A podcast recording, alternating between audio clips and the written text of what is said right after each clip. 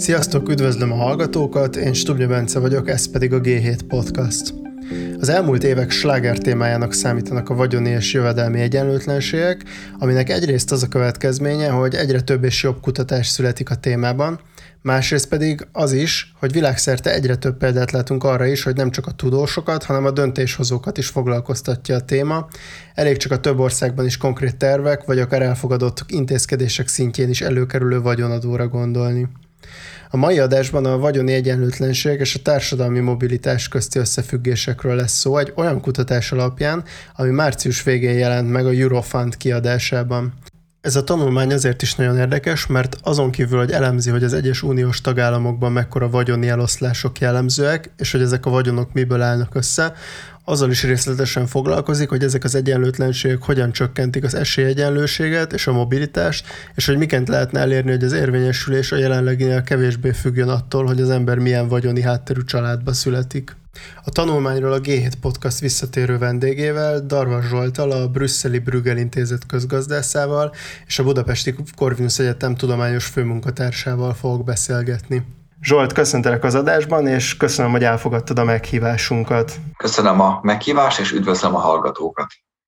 Szerintem a jövedelmi egyenlőtlenség mobilitásra gyakorolt hatása az talán egy laikus számára egyértelműbb, mint a, a vagyoni egyenlőtlenség hatása, mert mondjuk azt el tudjuk képzelni, hogy egy jól kereső szülőnek ugye van pénze mondjuk külön órára, akkor a, a gyerek jobb képzést kap, ezáltal magasabb fizetése lesz, és akkor így örökíti tovább ezeket a munkaerőpiaci helyzeteket. Viszont a vagyon az talán annyira nem egyértelmű, mert hogyha mondjuk egy valaki egy értékes ingatlanban lakik, az ugye nem jelent egyből elkölthető jövedelmet is.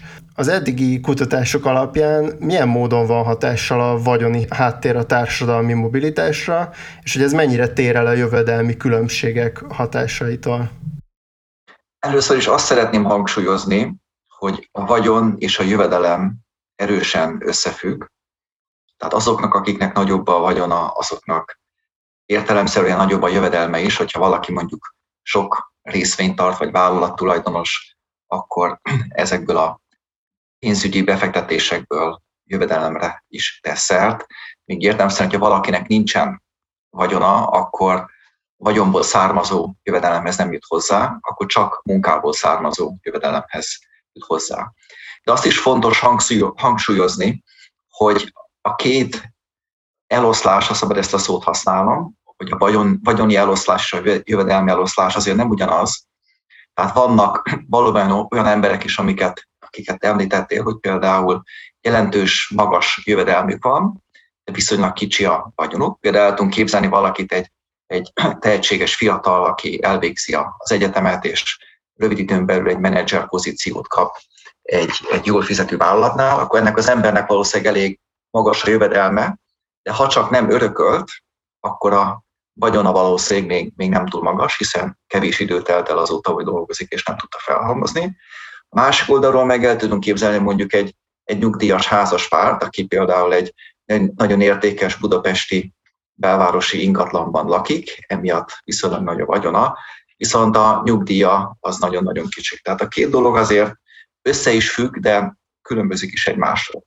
Viszont visszatérve a kérdésre, hogy a vagyon hogyan hathat a társadalmi mobilitása, amire azt értjük, hogy, hogy valaki, aki például egy szegényebb környezetbe születik, vagy vannak olyan lehetőségei, hogy miután elkezd dolgozni, és ha keményen dolgozik, és sokat tanul, akkor, akkor egy magasabb jövedelmi vagyoni helyzetbe kerüljön.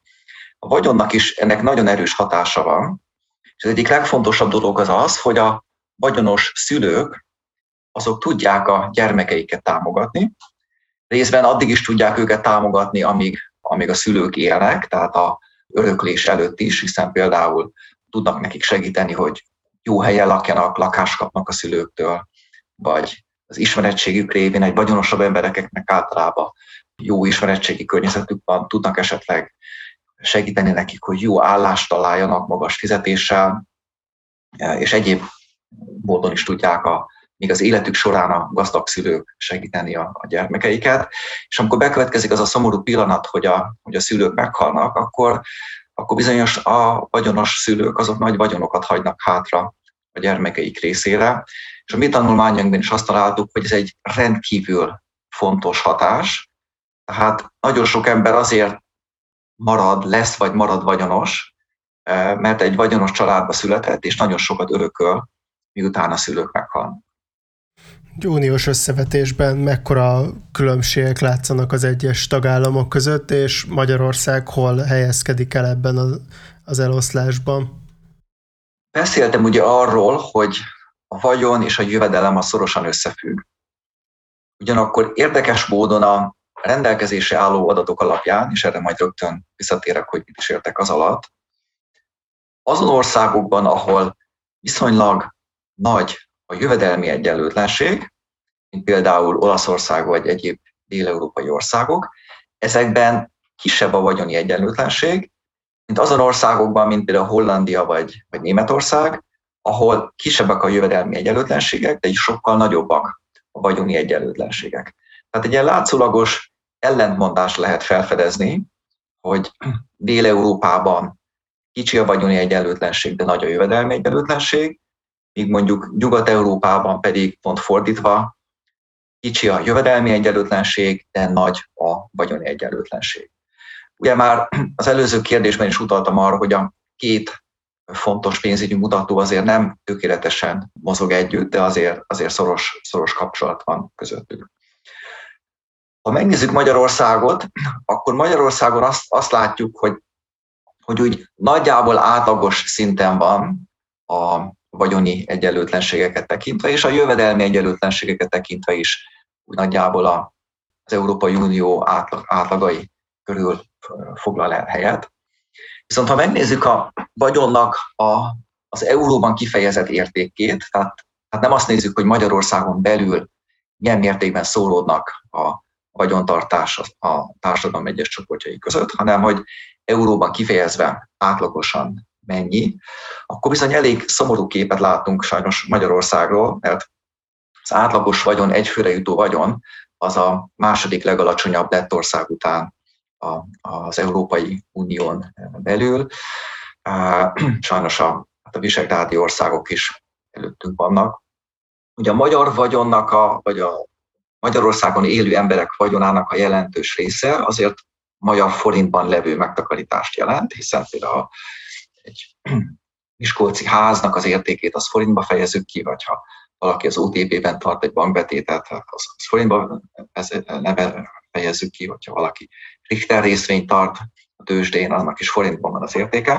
Tehát, hogy a forint-euró árfolyam változik, akkor a magyar átlagos vagyon értéke is változik a többi Európai Uniós országhoz viszonyítva.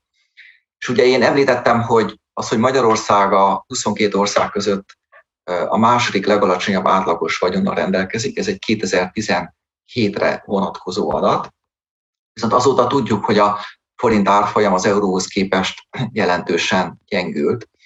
Tehát valószínűleg relatív a többi országhoz képest sajnos a magyar átlagos vagyon értéke az elmúlt négy évben jelentősen csökkenhetett a többi Európai Uniós tagállamban az euróban kifejezett vagyonhoz képest.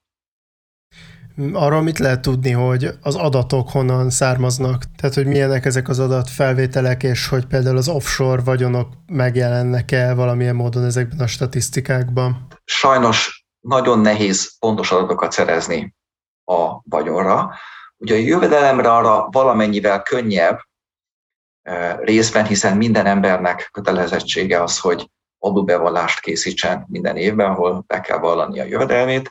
Persze tudjuk, hogy sokan sok mindent nem vallanak be, sem a szupergazdagok nem vallják be, hogyha, hogyha a Kajmán-szigeteken tartják a vagyonukat, sem esetleg a szegényebb emberek nem vallják be, hogyha a feketén dolgoznak mondjuk például egy, egy építkezésen. De azért mégis az adóbevallás az valamiféle kötelezettség, amely, amely nek meghamisítás azért komoly következményekhez vezethet. Tehát ez egyfajta hasznos információ a jövedelemre. Másrészt a különböző felméréseket is készítenek, amelyekben az embereket egy kiválasztott mintán az embereket megkérdezik, hogy milyen jövedelmük van. Ez egy már régóta bevett gyakorlat, és Persze ennek is sok problémája van, de mégis így, ahogy működik. Viszont a vagyonra vonatkozó adatok azok nagyon-nagyon ritkásak és nehezen érhetőek el. Az Európai Unióban érdekes módon az Európai Központi Bank karolta fel a vagyoni felméréseknek a, a kérdését, és végeztek eddig három alkalommal, először 2010-ben, utána 2014-ben, majd ezt következően 2017-ben reprezentatív felméréseket egyre több országban, tehát például 2017-ben már 22 Európai Uniós országban végeztek felmérést, azaz nem csak az euróvezethez tartozó országokban, hanem azon kívül is, például Magyarországon és, és Lengyelországban is.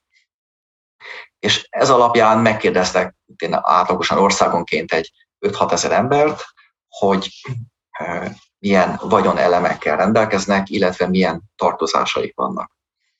Na most a probléma ezzel az, hogy, hogy az emberek sok mindent nem vallanak be, tehát ha oda megy hozzájuk egy kérdező biztos, és megkérdezi tőlük, hogy uram, sorolja fel kérem, hogy milyen értékesebb vagyontárgyai vannak, akkor bizony az emberek sok, sok mindent letagadnak, még akkor is, hogyha ez nem egy adóhatósági vizsgálat, hanem, hanem egyszerűen csak egy, egy tudományos érdeklődésre számot tartó kérdezés, hiszen lehet, hogy tartanak attól, hogy húha, ú, ezeket a jövedelmeket nem vallottam be, hát hogyha most itt bevallom, hogy ilyen nagy értékű megtakarításom van Panamában, vagy a Kajmán-szigeteken, vagy a Bermuda-szigeteken, lehet, hogy ez valahogy oda jut az adóhatósághoz, és mi lesz, hogyha ha megbüntetnek.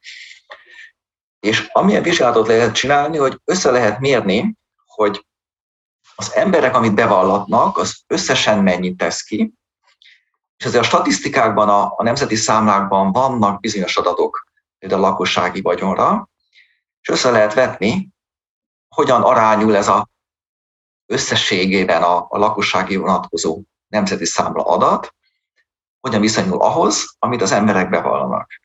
És ha megnézzük, akkor azt látjuk, hogy a, az ingatlanok tekintetében nincs túl nagy különbség, tehát mit én 10-20 százalékos eltérés van a két adatbázis között, ami, ami, ami bőven benne van a mérési hibán belül. De a pénzügyi megtakarításokat illetően óriási a különbség, és egyes országoknál például az emberek által bevallott pénzügyi vagyon, tehát részvények, kötvények, befektetési alapok az együttese, az kevesebb, mint egy harmada annak, amit a nemzeti számlák lakossági vagyonként ugyanezen pénzügyi, pénzügyi vagyon kategóriában rögzítenek. Tehát lehetséges, hogy, hogy a, a pénzügyi megtakarításoknak a kétharmada is hiányzik ezekből a, ezekből a vagyoni felmérésekből.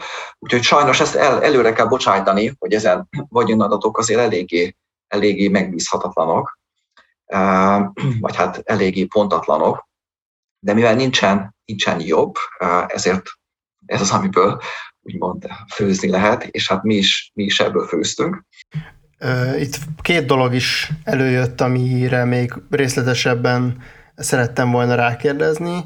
Szerintem kezdjük azzal, hogy, hogy ezek, ezeknek a vagyonoknak a, az összetétele az milyen, és ugye itt, itt kapcsolódik be az, hogy mondjuk például a, az offshore vagyonok mennyire torzítják ezt a képet. Szóval erről mit tudsz mondani, hogy európai vizsgált országokban mi a jellemző, és akár országcsoportok között milyen különbségek jellemzőek, illetve Magyarország ebbe az egészbe hol helyezkedik el?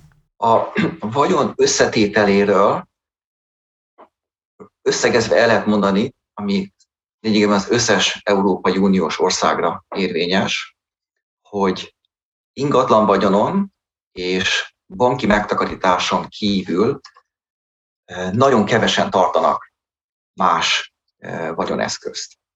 Tehát az ingatlan vagyon az szinte mindenhol kiteszi a, a teljes vagyonnak legalább a felét, de sok országban 70, 60-70 százalékát is. És ha hozzátesszük még a, a bankban, bankbetétben tartott megtakarítást, akkor a, a legtöbb országban ez kiteszi a, a, az összes vagyonnak közel a közel 80 százalékát. És hát valóban nagyon kevesen vannak olyanok, akik, akik ezen kívül egyéb befektetési eszközöket tartanak. Azért persze, persze vannak, tehát például a lakosságnak egy, van kevesebb, mint 10%-a a start részvényt, kötvényt, és befektetési alapok jegyeit is, is tartják.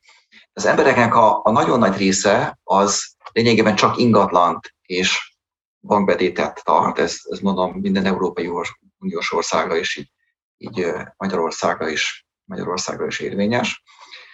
És ugye ennek azért vannak olyan következményei, hogy, hogy nyilván az ingatlan tartás az egy viszonylag jó és stabil befektetés volt a elmúlt sok évtizedben, mert természetesen vannak az ingatlan árakban hullámzások, de azért összességében minden országban az ingatlan árak azok, azok felfelé tartottak a, az elmúlt, elmúlt években, évtizedekben, tehát ingatlanban tartotta a, a vagyonát, az, az, az valószínűleg jó járt. Viszont a bankbetétekről például már jó pár ideje, jó ideje tudjuk, hogy hozamot lényegében nem fizetnek, tehát a bankbetét kamata az közel nulla mindenhol, nem csak Magyarországon, hanem sok más országban is. Van, ahol még negatív is összességében a kamat, például, hogyha figyelembe vesszük a, a költségeket is, amelyeket a, amelyek egy bankszámla tartásához tartanak. Viszont azt is tudjuk, a, azért a, a adatok elemzése megmutatja, hogy, hogy azok, akik befektetési alapban vagy, vagy közvetlen részvénytartással és jelentős összegeket takarítottak meg, azok nagyon-nagyon jó jártak az elmúlt években. Tehát elég, elég csak például a tavalyi évet megnézni, ugye 2020-ban ugye sajnálatos módon, hogy a koronavírus letarolta a, szinte az egész világot, a termelés, foglalkoztatottság mindenhol nagy mértékben visszaesett, és ugyan tavaly február-március környékén, amikor az első súlyosabb koronavírus válság megrázta a világot, akkor a tőzsdeindexek értékei is nagyon jelentősen lecsökkentek, 20-30%-kal lecsökkentek. Ez egy viszonylag rövid ideig tartó visszaesés volt, és a legtöbb országban már az a tavalyi év végén, de pláne most 2021 áprilisában tőzsdeindexek már, már szinte magasabbak, mint a koronavírus előtt voltak.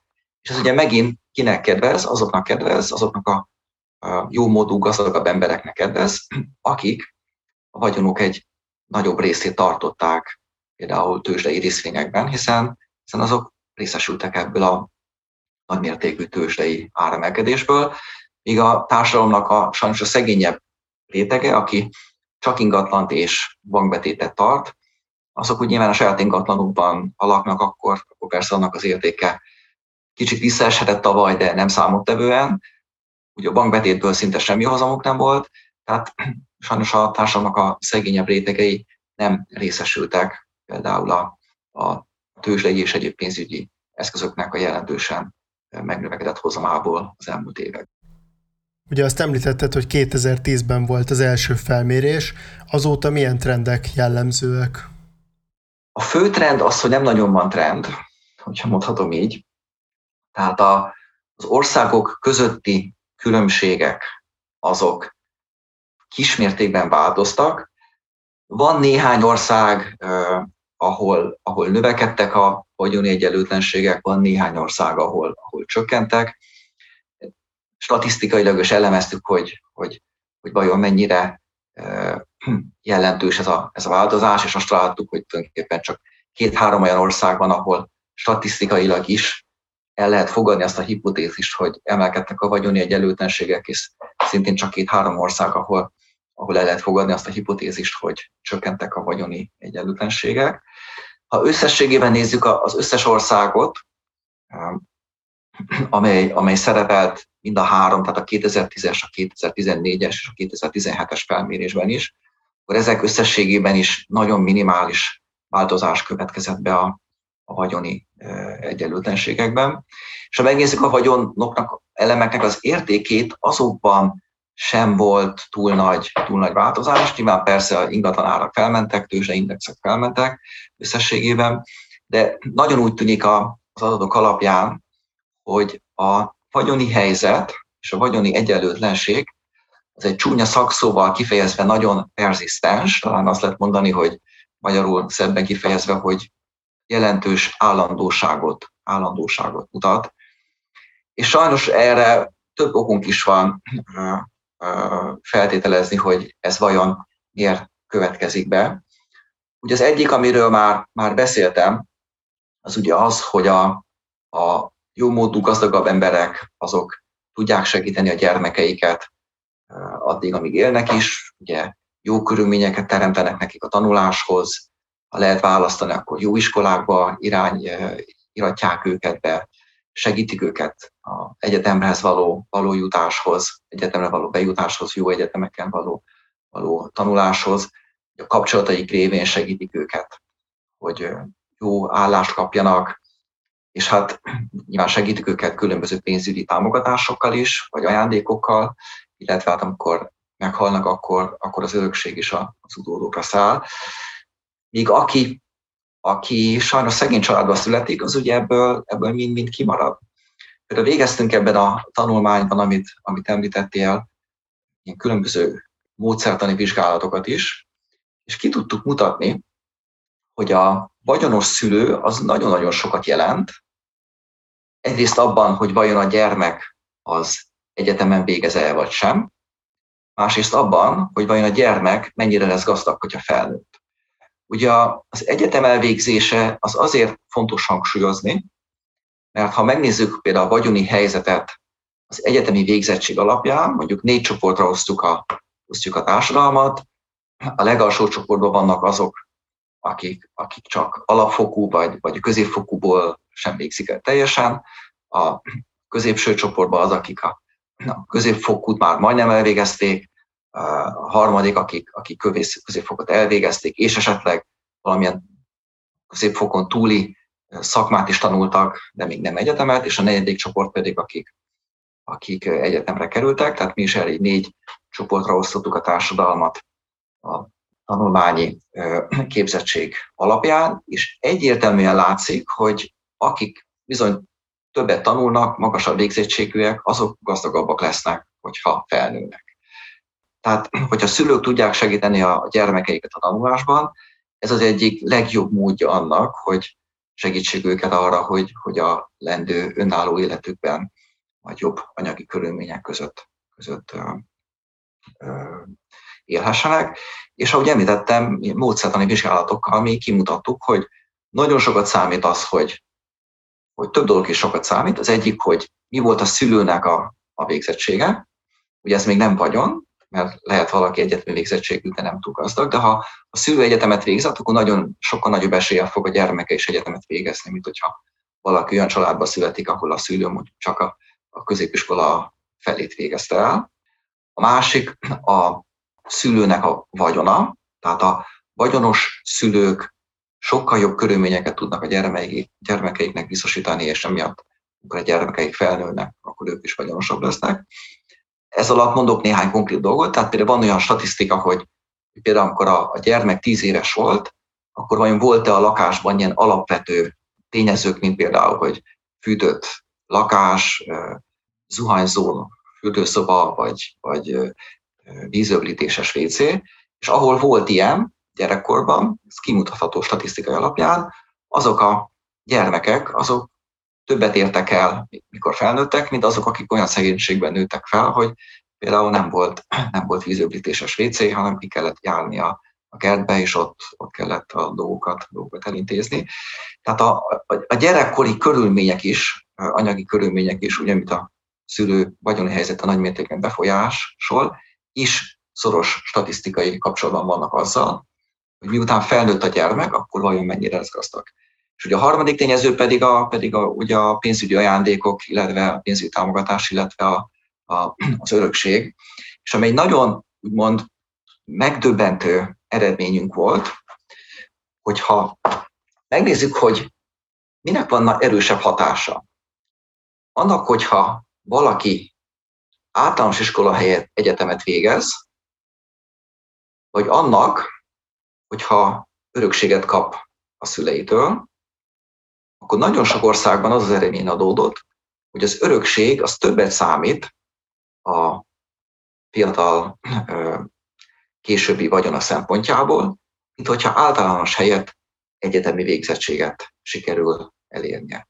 És ez, ez, ez, meg, ez számomra nagyon megdöbbentő volt, amikor a, ez az eredmény kijött, Mert ugye amit tudunk csinálni, vagy hát a, a társadalompolitika tud csinálni, az ugye részben az, hogy ugye segíti a fiatalokat, hogy minél jobb oktatással tudják magukat képezni, akár, akár valami szakmára, vagy, vagy, vagy, vagy egyetemre. Ugye ezt lehet államilag segíteni. De még hogyha a, a legjobb segítséget is megadjuk a tanuláshoz, és tényleg valaki nem az általános iskolát végzi csak el, hanem ehelyett ugye a legmagasabb szintű egyetemet végzi el, még ez a nagy ugrás az oktatásban sem ér fel azzal, amit átlagosan azok részesülnek, akik örökséget kapnak a, a gazdag szüleitől. Tehát, tehát sajnos a vagyon az nagyon-nagyon állandó, akik jó helyre születnek vagyonos családba, azok nagyon nagy eséllyel vagyonosak lesznek, akik meg nehéz körülmények közé születnek, azoknak sokkal-sokkal nehezebb elkapaszkodniuk.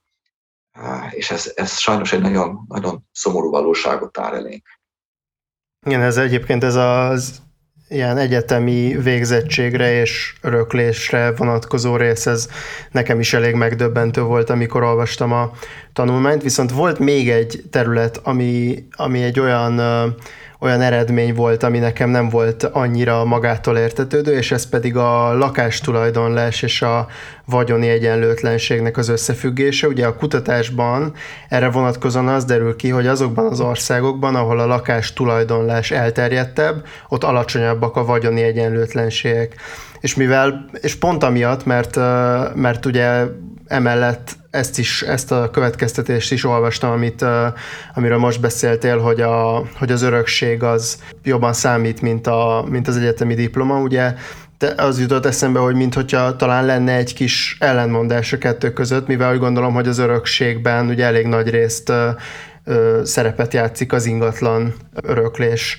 Erről ö, mit tudsz mondani erről az ellenmondásról, ezt hogyan lehet feloldani? Először is a lakás vagy ingatlan tulajdonlás. Ugye egyes országokban ez nagyon-nagyon elterjedt, ugye Magyarországon is a lakosság nagyon nagy részének van, van ingatlan tulajdona, viszonylag alacsony azok aránya, akik lakást bérelnek. Viszont ha megnézzünk más országokat, például a szomszédos Ausztriában, vagy Franciaországban, Németországban és Hollandiában, a lakás bérlők aránya tehát akik, akik nem rendelkeznek ingatlan tulajdonnal, az a teljes népességnek az egyharmadát, vagy akár a felét is kiteszik. Tehát, tehát például csak, csak a emberek felének van ingatlan tulajdona, a másik fele, az pedig lakásbérel. Na most gondolnánk azt, ugye nagyon sok érv van mind a két tényező mellett, ugye a lakás tulajdonlás és a lakásbérlés mellett is. Nyilván például a bérlés mellett szól ugye az az érv, hogy, hogy bármikor felmondható, az ember könnyebben tud egyik helyről elmenni egy másik helyre, hogyha egy másik városban vagy egy másik országban kap munkát, akkor nem kell amiatt aggódni, hogy jaj, jaj, ott a szép lakásom, amit én, én festettem ki saját kezüleg, és fáj a szívem, hogyha el kell onnan, kell onnan költöznöm, már hogy használhatok ilyen, ilyen szavakat. hanem egyszerűen felmondja a béleti szerződés, elmegy egy másik városba, például egy új, új lakást, és, és ö, ö, esetleg egy sokkal jobb munkát kaphat a másik városban, amelyből magasabb jövedelme származik.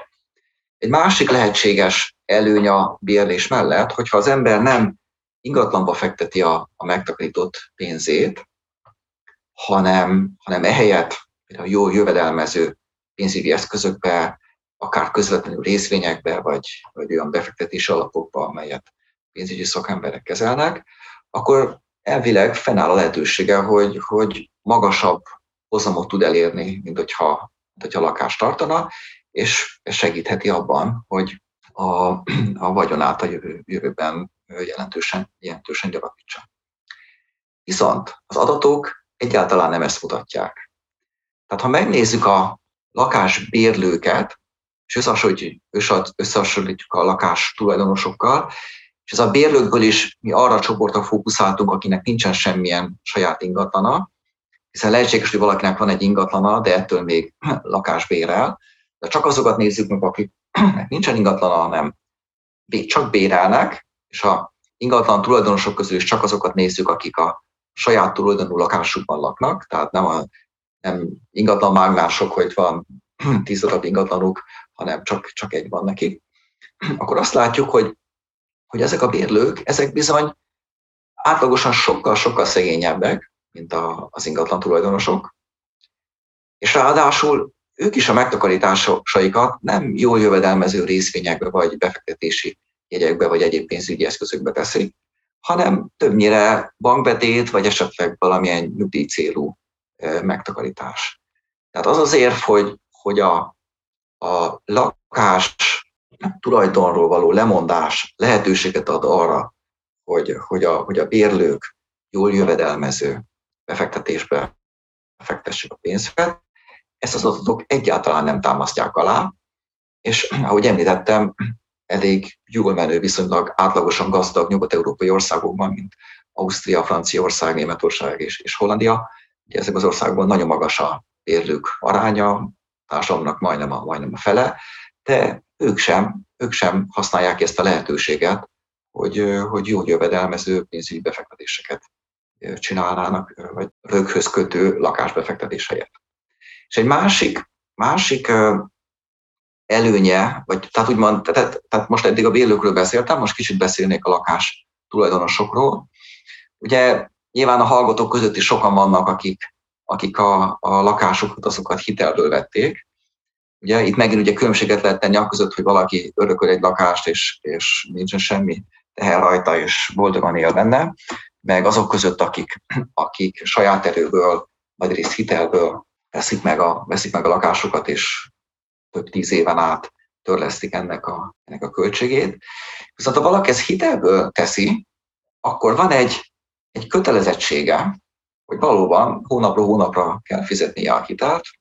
Ugye épp most a koronavírus miatt ugye lassan több mint egy éve ugye egy, egy moratórium van a, a, a hitelfizetésekre Magyarországon, meg sok más országokban is volt, volt hasonló, hasonló helyzet. Tehát nyilván nem az elmúlt egy év rendkívüli helyzetére gondolok, hanem az ezt megelőző, és hát nyilván a nem sokára következő időszakra is. Tehát az embernek minden hónapban tudja azt, hogy bizony ilyen összeget félre kell tennem azért, hogy a lakási telemet tudjam törleszteni, akkor ez egy, egy nagyfokú tudatosságot is jelent, hogy akkor most nem mehetek el a, a Szesei szigetekre nyaralni, vagy, vagy ide-oda nem szólhatom el szanaszét a pénzt, mert tudom, hogy, hogy, hogy bizony félre kell tennem, hogy a lakáshitelt tudjam törleszteni. Tehát egy egyfajta önként vállalt kötelezettséget is jelent arra, hogy a, az ember igenis megtakarít és felhalmoz, nem pedig elszórja pénzét erre, arra, marra, és emiatt ez segít a, a összességében a, a vagyon gyarapodásában. Tehát, tehát mi azt a következtetés vonjuk le végső soron, hogy, hogy, hogy bár elvileg a lakásbérlésnek lehetnek valóban előnyei a lakás tulajdonnálással szemben, de egyrészt az adatok azt mutatják, hogy ezeket az előnyöket a bérlők azok nem használják ki, a, és a lakástulajdonosok pedig egyrészt azon kötelezettségük által, hogy folyamatosan meg kell takarítaniuk, folyamatosan növelik megtakarításaikat, tehát a, a hitel visszafizetés által egyre csökken a, csökken a tartozásuk, és plusz emellett, ugye, ahogy említettem, azért hosszú távon az ingatlan árak felfelé mentek az elmúlt évtizedekben, és hát jó esély van, hogy ez még egy jó ideig így fog menni a, így fog menni a jövőben is. Tehát a lakás értékének a növekvéséből is profitálnak azok, akik lakást birtokolnak és abban laknak. Térjünk rá az utolsó témára, amiről még kérdezni szerettelek volna, és ez pedig a szakpolitikai része ennek a, a tanulmánynak, ami az utolsó fejezet. Itt kifejezetten egyébként akkor maradhatunk még itt a lakásoknál, tehát erre vonatkozóan is van több szakpolitikai ajánlás, amit ti megfogalmaztok, és egyébként emellett akkor dióhéjban még egy kicsit arra kérlek, hogy beszélj a többi ajánlásról is. Röviden a, a, lakásokról, ugye ez egy, tehát a, a lakáshelyzet nagyon sok, sok országban nagyon-nagyon nehéz, különösen a, a, a, azon dinamikusan növekvő városokban, ahol, ahol viszonylag limitált az, hogy mennyi új ingatlant lehet, lehet építeni. Megnézzük akár a, a budapesti lakásárak emelkedését a, az elmúlt években, de, de bármelyik más európai nagyvárosban is nézhetjük a, a, az ingatlanak emelkedését, azt látjuk, hogy szinte mindenhol Európában a nagyvárosokban az ingatlanárak sokkal, de sokkal gyorsabban növekednek, mint, mint vidéken. Márpedig ugye a, a gazdasági tevékenységek jelentős része ezen, ezen jól működő városokban összpontosul. Tehát ha valaki szeretne ugye jókereső állásban dolgozni, akkor, akkor nagyon nagy eséllyel egy, egy bizony egy, egy, egy városban fogja ezt a, ezt a jó munkahelyet megtalálni. Viszont ha ott akar lakni, akkor ugye csillagoseket is ki kell fizetnie, hogyha lakást szeretne venni. Ha meg bérelni akar, akkor meg szintén borzasztó nagyok a, a, a lakásbérleti díjak. Tehát nagyon, nagyon nehéz a, az ilyen jól növekvő, jól működő, dinamikusan fejlődő városokban a lakáshelyzetet, lakáshelyzeti problémákat orvosolni. Ugye erre van néhány lehetőség. Ugye, ugye az egyik az, hogy, hogy valamilyen módon a kínálatot növelni. Most ugye a kínálatot egy adott helyen ugye csak úgy lehet növelni, hogyha, hogyha magasabbra növekednek a, növekednek a házak. Ugye nagyon sok városban korlátozzák azt, hogy mi a maximális magassága az egyes épületeknek.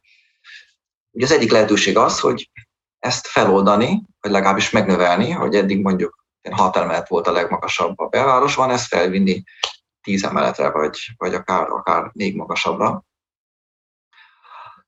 A másik, ami, ami segíthet, hogy például Ausztriában van egy nagyon jó működő, hát nem azt mondom, hogy szociális lakás, hiszen, hiszen nem arról van szó, hogy azok, csak azok bérelhetik, akik, akik nehéz vagy alacsony jövedelemmel rendelkeznek, hanem van egy, van egy állami vagy városi bérlakás szektor, ahol, a, ahol hát állami tulajdonban levő, vagy városi önkormányzat tulajdonban levő telkeken épülnek olyan, olyan ingatlanok, amit, amit bárki kibérelhet, és, és ezeket a, és az ingatlan árak ezekben a, ezekben a önkormányzati vagy állami épületekben olcsóbbak, mint, mint a, mint a szabad piacon a, a városközpontban. Tehát az is egy lehetőség, hogy egy, hogy egy jól működő ilyen állami önkormányzati bérlakásrendszert ki lehet alakítani.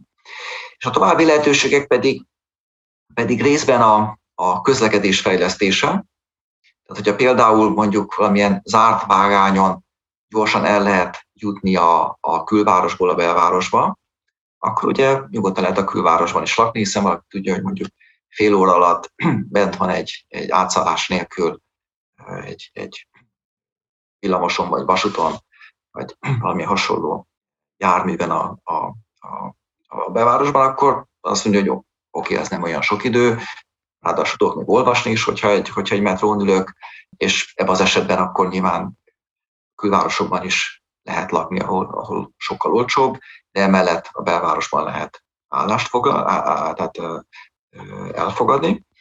És a, a következő, ugye, amit, amit, ami most már eléggé mindennaposnak tűnik, ez az otthonról való, való munkavégzés, hiszen ugye a koronavírus miatt Ugye nagyon sok országban kötelezővé is tették az otthonról való munkahelyvégzést, ahol, ahol lehet. De ugye erről az otthonról való munkavégzésről a koronavírus válság előtt is szó volt már, és nagyon sokan javasolták, hogy, hogy sokkal szélesebb körben kellene lehetővé tenni azt, hogy, hogy az emberek otthonról tudjanak, tudjanak dolgozni, hiszen ha például valaki mondjuk hetente három napot otthonról dolgozik, kétszer megy csak be a munkahelyére, akkor lakhat akár sokkal messzebb is a munkahelyétől, hiszen összességében az utazással töltött idő még így is kevesebb lesz, hogy hetente kétszerben megy, mert hetente háromszor otthonról tudja a, a munkáját, munkáját elvégezni. Most nyilván ennek sok különböző feltétele van, hogy, hogy az emberek otthonról dolgozhassanak, de ez is egy, egy megoldás lehet a, a belvárosi súlyos lakásproblémák kezelésére, hogy csökkentjük a, az ott lakás, ott lakás, tehát a belvárosban a lakás iránti igényt azáltal, hogy lehetővé teszik, hogy az emberek akár 100 km távolságból is dolgozhassanak. Tehát, hogy még akkor a nem lakhatást érintő szakpolitikai javaslatok közül így nagyon röviden egy pár mondatban ki tudsz emelni néhányat?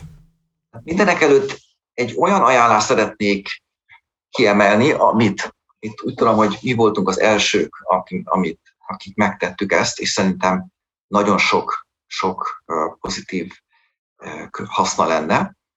Nevezetesen az, hogy kötelezővé kellene tenni, hogy az emberek vagyonbevallást készítsenek.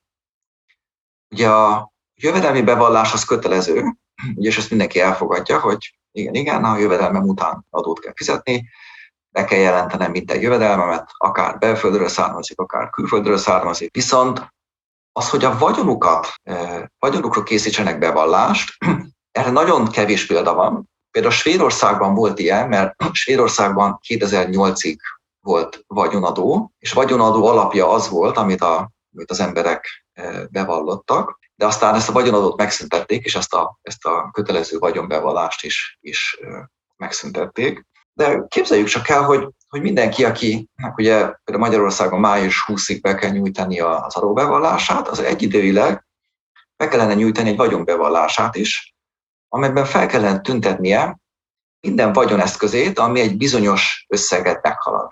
Most ez nagyon sok, sok pozitív, pozitív mellékhatás hatásra vezethetne.